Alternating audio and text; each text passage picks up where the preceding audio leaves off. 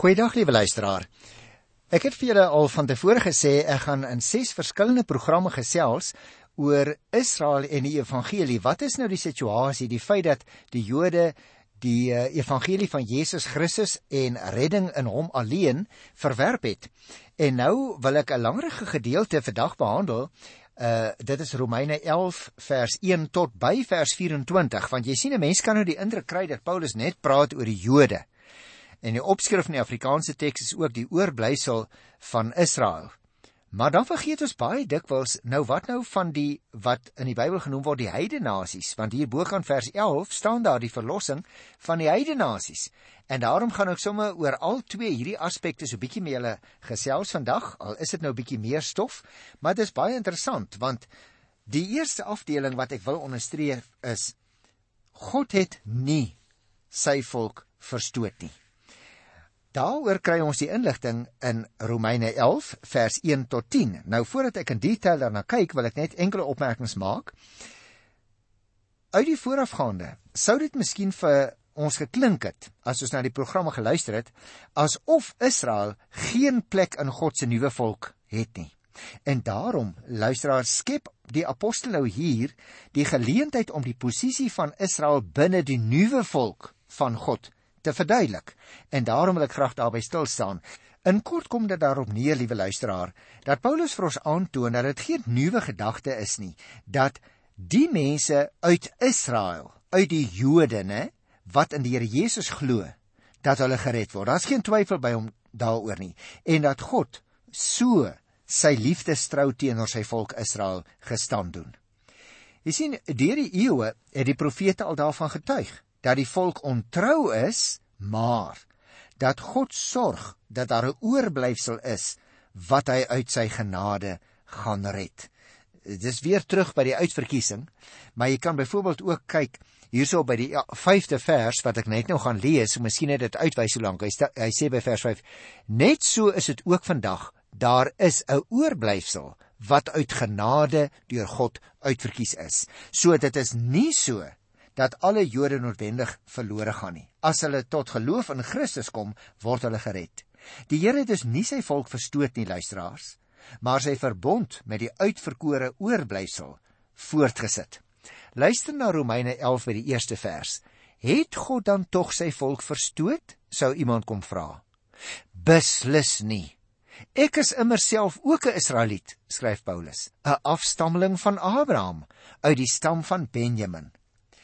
As mens nou dus mooi kyk na hierdie hele aspek wat Paulus hier op die tafel sit, dan leer ons hieruit vers 1, ek dink die volgende ten minste. Die ongehoorsaamheid en die weerspannigheid van Israel bring onwillekeurig die vraag na vore of God dan nie tog in die lig van hulle aanhoudende verset die Joodse volk verstoot het nie. En die antwoord wat Paulus gee is 'n besliste nee. Hiervan is Paulus self 'n bewys, sê hy. Hy sê ek is nog 'n Jood.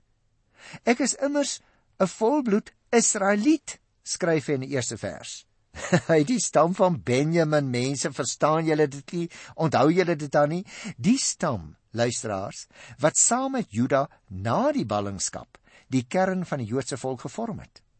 Hy sal al hierdie beweringe wat dus gemaak word, nooit kan aanvaar nie. Die meer teologiese rede vir sy antwoord kry ons nou in die volgende paar verse. Luister nou, ek lees hier by vers 2 tot 4. Hy sê God het sy volk wat hy lank tevore verkies het, nie verstoot nie. Of weet julle nie wat die skrif sê van Elia nie? Hoe hy by God oor Israel gekla het. Here, hulle het u profete doodgemaak en die altare afgebreek en net ek het oorgebly. En hulle wil my nou ook om die lewe bring. Luister nou mooi.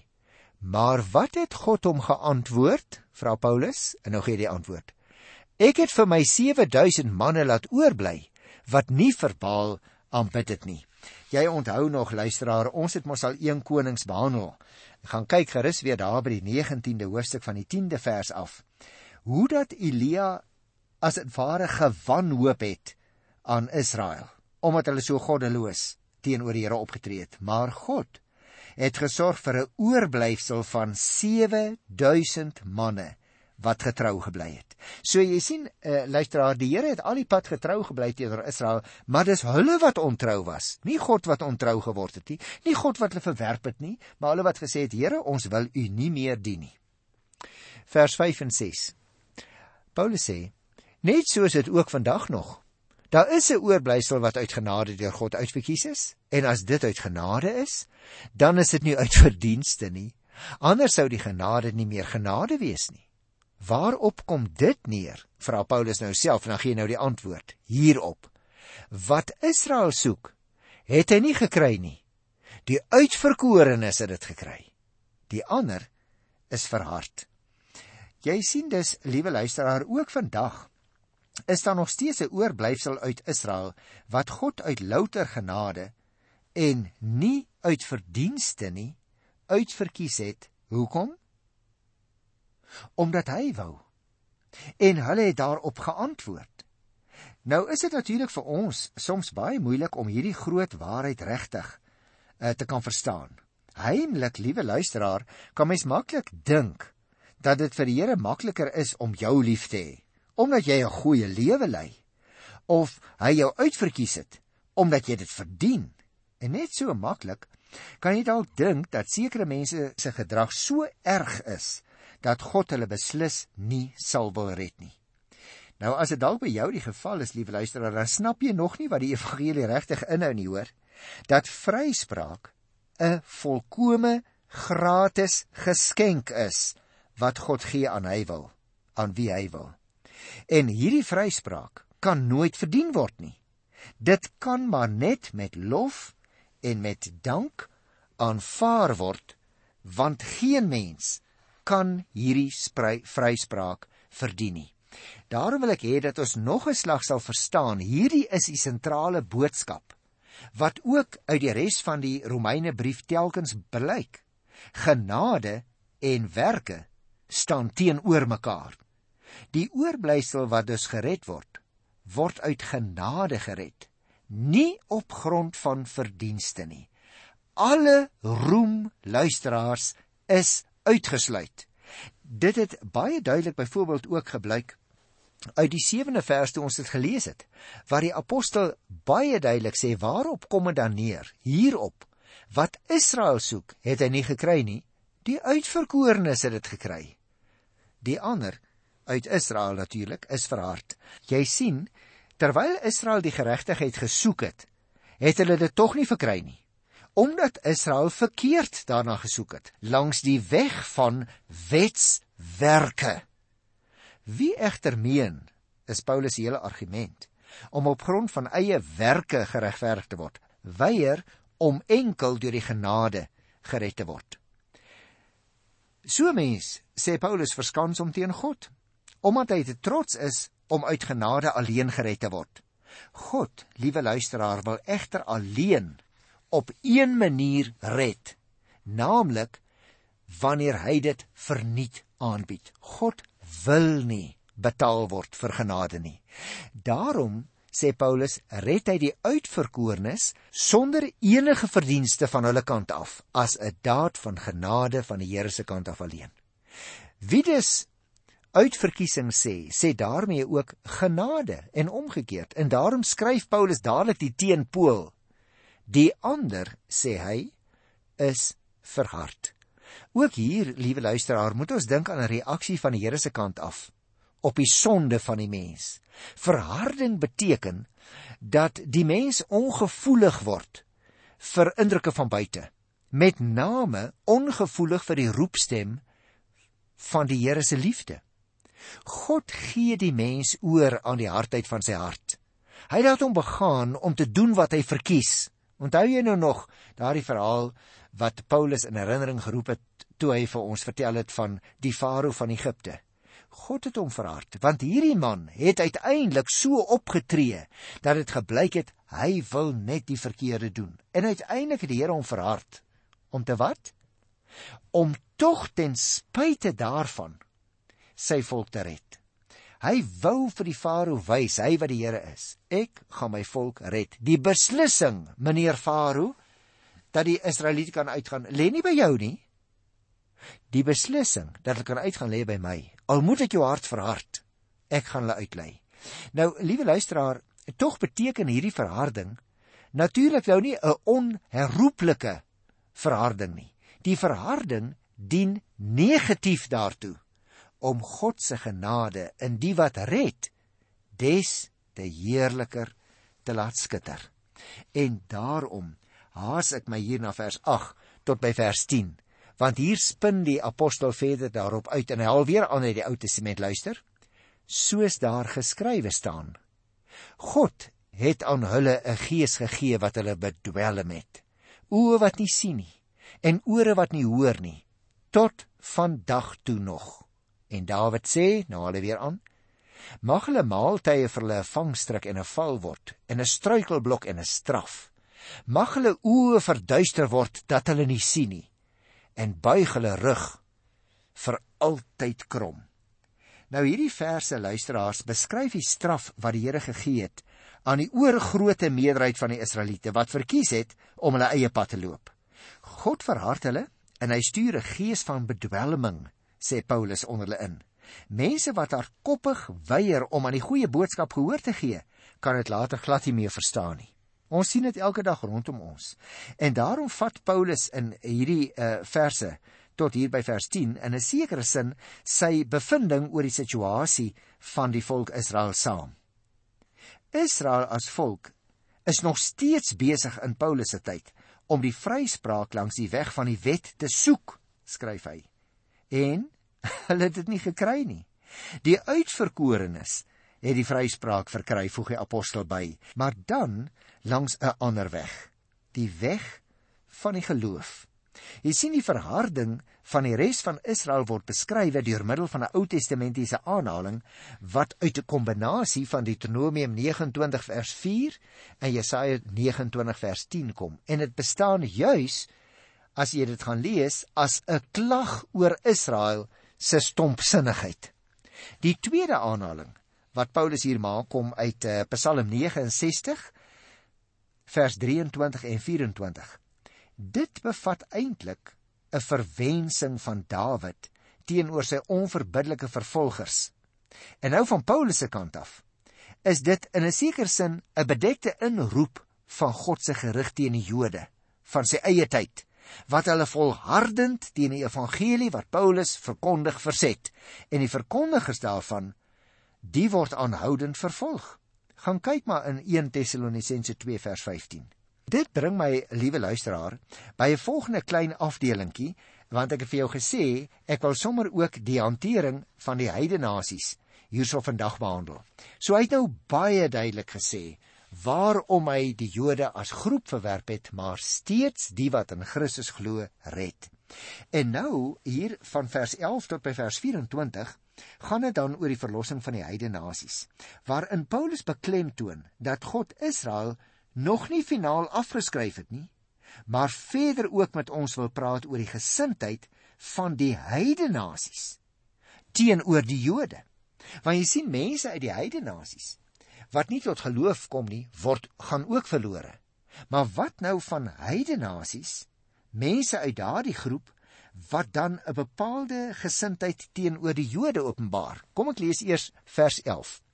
Paulus sê: "’n Ander vraag is: het Israel se struikeling hulle finale val beteken beslis nie maar deur hulle val het die redding na die heidene nasies toe gekom om die Jode jaloers te maak. Is dit nou die wonderlik nie? Hy sê toe die Jode nou nie die evangelie wou aanvaar nie toe is die boodskap gestuur na die heidene nasies en hy wat Paulus is noem homself meer as een keer die apostel wat gestuur word na die heidene.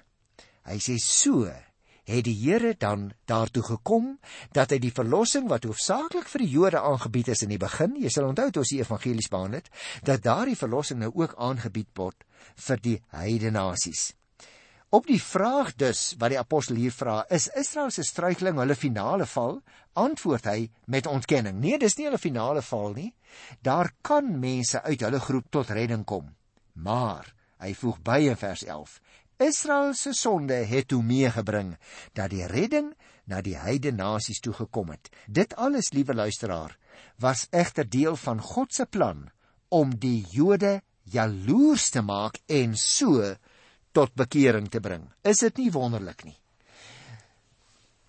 Die vraag is natuurlik by my as jy en ek wat ook nie uit die Jode is nie. Wat is basies uit die heidene nasies is. As ons nou nie die boodskap deurgee nie sodat ander heidene en ook ander Jode wat nie tot bekering kom nie tot bekering kan kom nie, het ons getrou gebly aan ons roeping.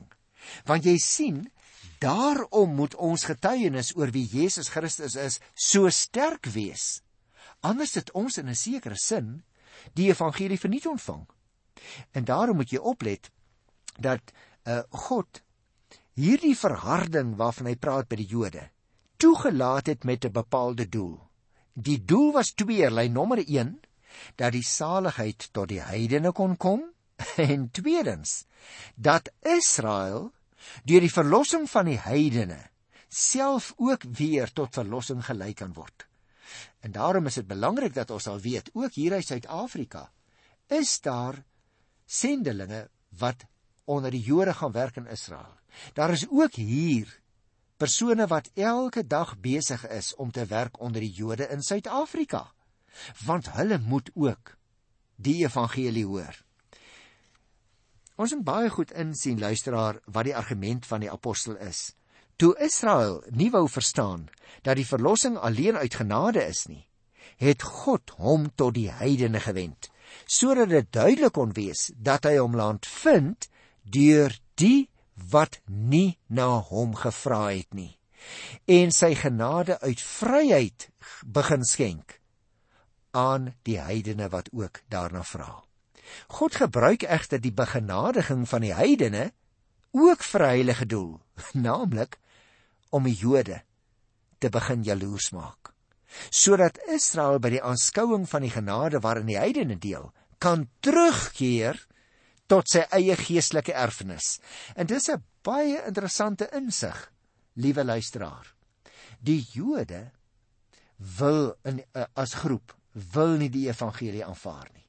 Nou roep die Here ook individue uit die heidene. En van daardie heidene verwag die Here dat hulle so sal lewe dat die Jode wat nie wil glo nie ook tot oorgawe sal kom. En dit is hoekom jou en my getuienis elke dag teenoor elke persoon vir wie ons teekom, of dit iemand is uit die totale heidendom soos die hindoeïsme byvoorbeeld of die mohammedanisme, maar ook uit die jodendom dat hulle tot Christus tot inkeer kan kom.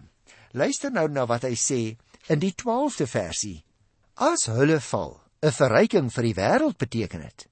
En hulle klein oorblyseltjie, 'n verryking vir die heidene nasies. Hoeveel te meer sal dit dan nie tot seën wees as die Jode se volle getal gelowig sou word nie. Ag hierdie Paulus, hy's darem 'n aardsoptimis, né? Hy bly hoop dat al die Jode, want hy kom uit die Joodse volk. Hy bly hoop dat hulle almal tot inkeer sal kom. En liewe luisteraar, wie jy? As dit sou gebeur voor die wederkoms van die Here Jesus, dan het Paulus se hoop en se verwagting waar geword. En daarom moet ons so voortgaan met oortuiging om ook teenoor die Jode te getuig. Daarom sê hy hier in die 12de vers: Israel se struikeling beteken nie 'n finale val nie, hoor. God het nie die deur vir die Jode finaal toegeslaan in hulle gesig as hulle sou wou inkom nie. Die moontlikheid van hulle aanneming as kinders van God, dit bestaan nog steeds. En daarom moet ons goed verstaan. God het die Jode se verwerping van die evangelie gebruik om die boodskap van die verlossing na die heidene te laat gaan. Daar is dus nog steeds ook onder die Jode geleentheid om die evangelie aan te neem. Die 13de en die 14de vers brei nog meer daarop uit. En nou praat ek met julle gelowiges uit die heidene nasies. Jy sien, luister nou verskuif Paulus die fokus so bietjie van die Jode af na die mense wat tot bekering gekom het uit die heidene nasies. En ek het vir julle gesê 'n vorige keer al, dit is waarskynlik die Christene in Rome. Sommige Jode is in daardie groep, maar hoofsaaklik mense uit die heidene nasies. En nou sê Paulus in sy brief hierso, ek praat nou baie spesiaal met julle. Hy gaan voort, hy sê: "As apostel vir die heidene nasies, daai het jy dit. As apostel vir die heidene nasies is ek trots op my werk en strewe ek daarna om op die een of ander manier my eie mense jaloers te maak en sommige van hulle te red. Natuurlik Paulus kan nie red nie, maar hy is 'n instrument in die hand van die Here. Hy sê en daarom, daarom verlang ek dat al die Jode tot bekering sal kom. Maar luister, vers 15. As hulle verwerping vir die wêreld verzoening beteken het, wat sal hulle aanneming nie beteken nie? Niks minder nie as lewe uit die dood.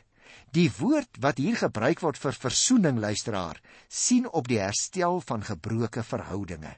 Die verwerping van Israel het beteken dat God hom tot die heidene gewend het en vrede tussen die heidene en God tot stand gebring het. Daarom die lewe uit die dode is 'n uitdrukking wat slaan op die laaste groot gebeurtenisse, die uiteindelike herstel van alle dinge wanneer God die hemel en die aarde finaal sal nuut maak en van die mag van die dood sal bevry. En nou, ek wil hierdie laaste verse, dis my sulke wonderlike verse, ek wil dit sommer vir julle lees hier van vers 16 af. As die eerste stuk deeg aan God gewy is, dan is ook die res van die deeg aan hom gewy. Jy onthou die ou paasmaal, né? En as die wortel van die boom aan God gewy is, dan is ook die takke aan hom gewy. Party van die takkies is uitgekap en jy 'n wille olyf, dit is nou daai ouens uit die heidendom daar in Rome, net wat tot bekering kom het. En jy 'n wille olyf is tussen die ander takke op die makolyf ingeënt. So het jy deel gekry aan die lewenssap van die makolyf se wortel. Moet jy dan nie bo die ander takke verhef nie? Moet jy ook nie verbeel jy is iets nie? Dit is nie jy wat die wortel dra nie, die wortel dra jou. Jy sal wel sê vers 19 takke is uitgekap sodat ek daarin ingeënt kon word. Dis waar. Hulle is uitgekap omdat hulle nie geglo het nie. Jy is daar geënt omdat jy glo. Moenie daaroor hoogmoedig wees nie. Hou rekening met God. Want as hy die natuurlike takke nie ontsien het nie, sal hy jou dalk ook nie ontsien nie. Let dan op die goedheid en die strengheid van die Here. Sy strengheid oor die afvalliges en sy goedheid oor jou. Maar dan moet jy uit sy goedheid lewe, anders kan jy ook uitgekap word. Onthou luisteraars, hier praat Paulus nou met die Christene. Hy sê as jy jou begin verhef, jy kom jou getuienis dalk na nie, dan kan jy ook uitgekap word. En wat hulle betref, as hulle nie in ongeloof volhard nie, sal hulle ook geënt word, want God is in staat om hulle terug te ent Kyk hoe praat hy oor die Jode. Hy sê al was hulle in verharding tot nou, al wou hulle nie glo nie. Weet wat? As hulle tot geloof kom, dan gaan hulle teruggeënt word in die stam. En nou vers 24, kom ons sluit daarmee af. As God jou, en dit geld ook vir jou vir my luisteraar, as God jou uit die wille olyf waar jy van nature hoort kon uitkap en teen jou natuur in op die mak olyf kon ent. Hoeveel te meer sal hy die maktakke op hulle ou boom ent. Weereens Paulus se verlange, sy droom. Hy sê ag die Jode ken mos die Ou Testament. Hulle is mos 'n stuk van die ou stam.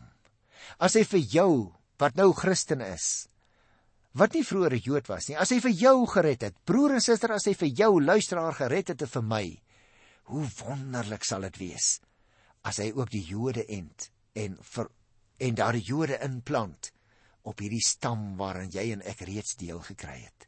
Ons moet nooit ophou hoop op die redding op ander mense nie en wie wat? Ons moet nooit ophou bid vir hulle redding nie. Ek groet jou tot volgende keer. Totsiens.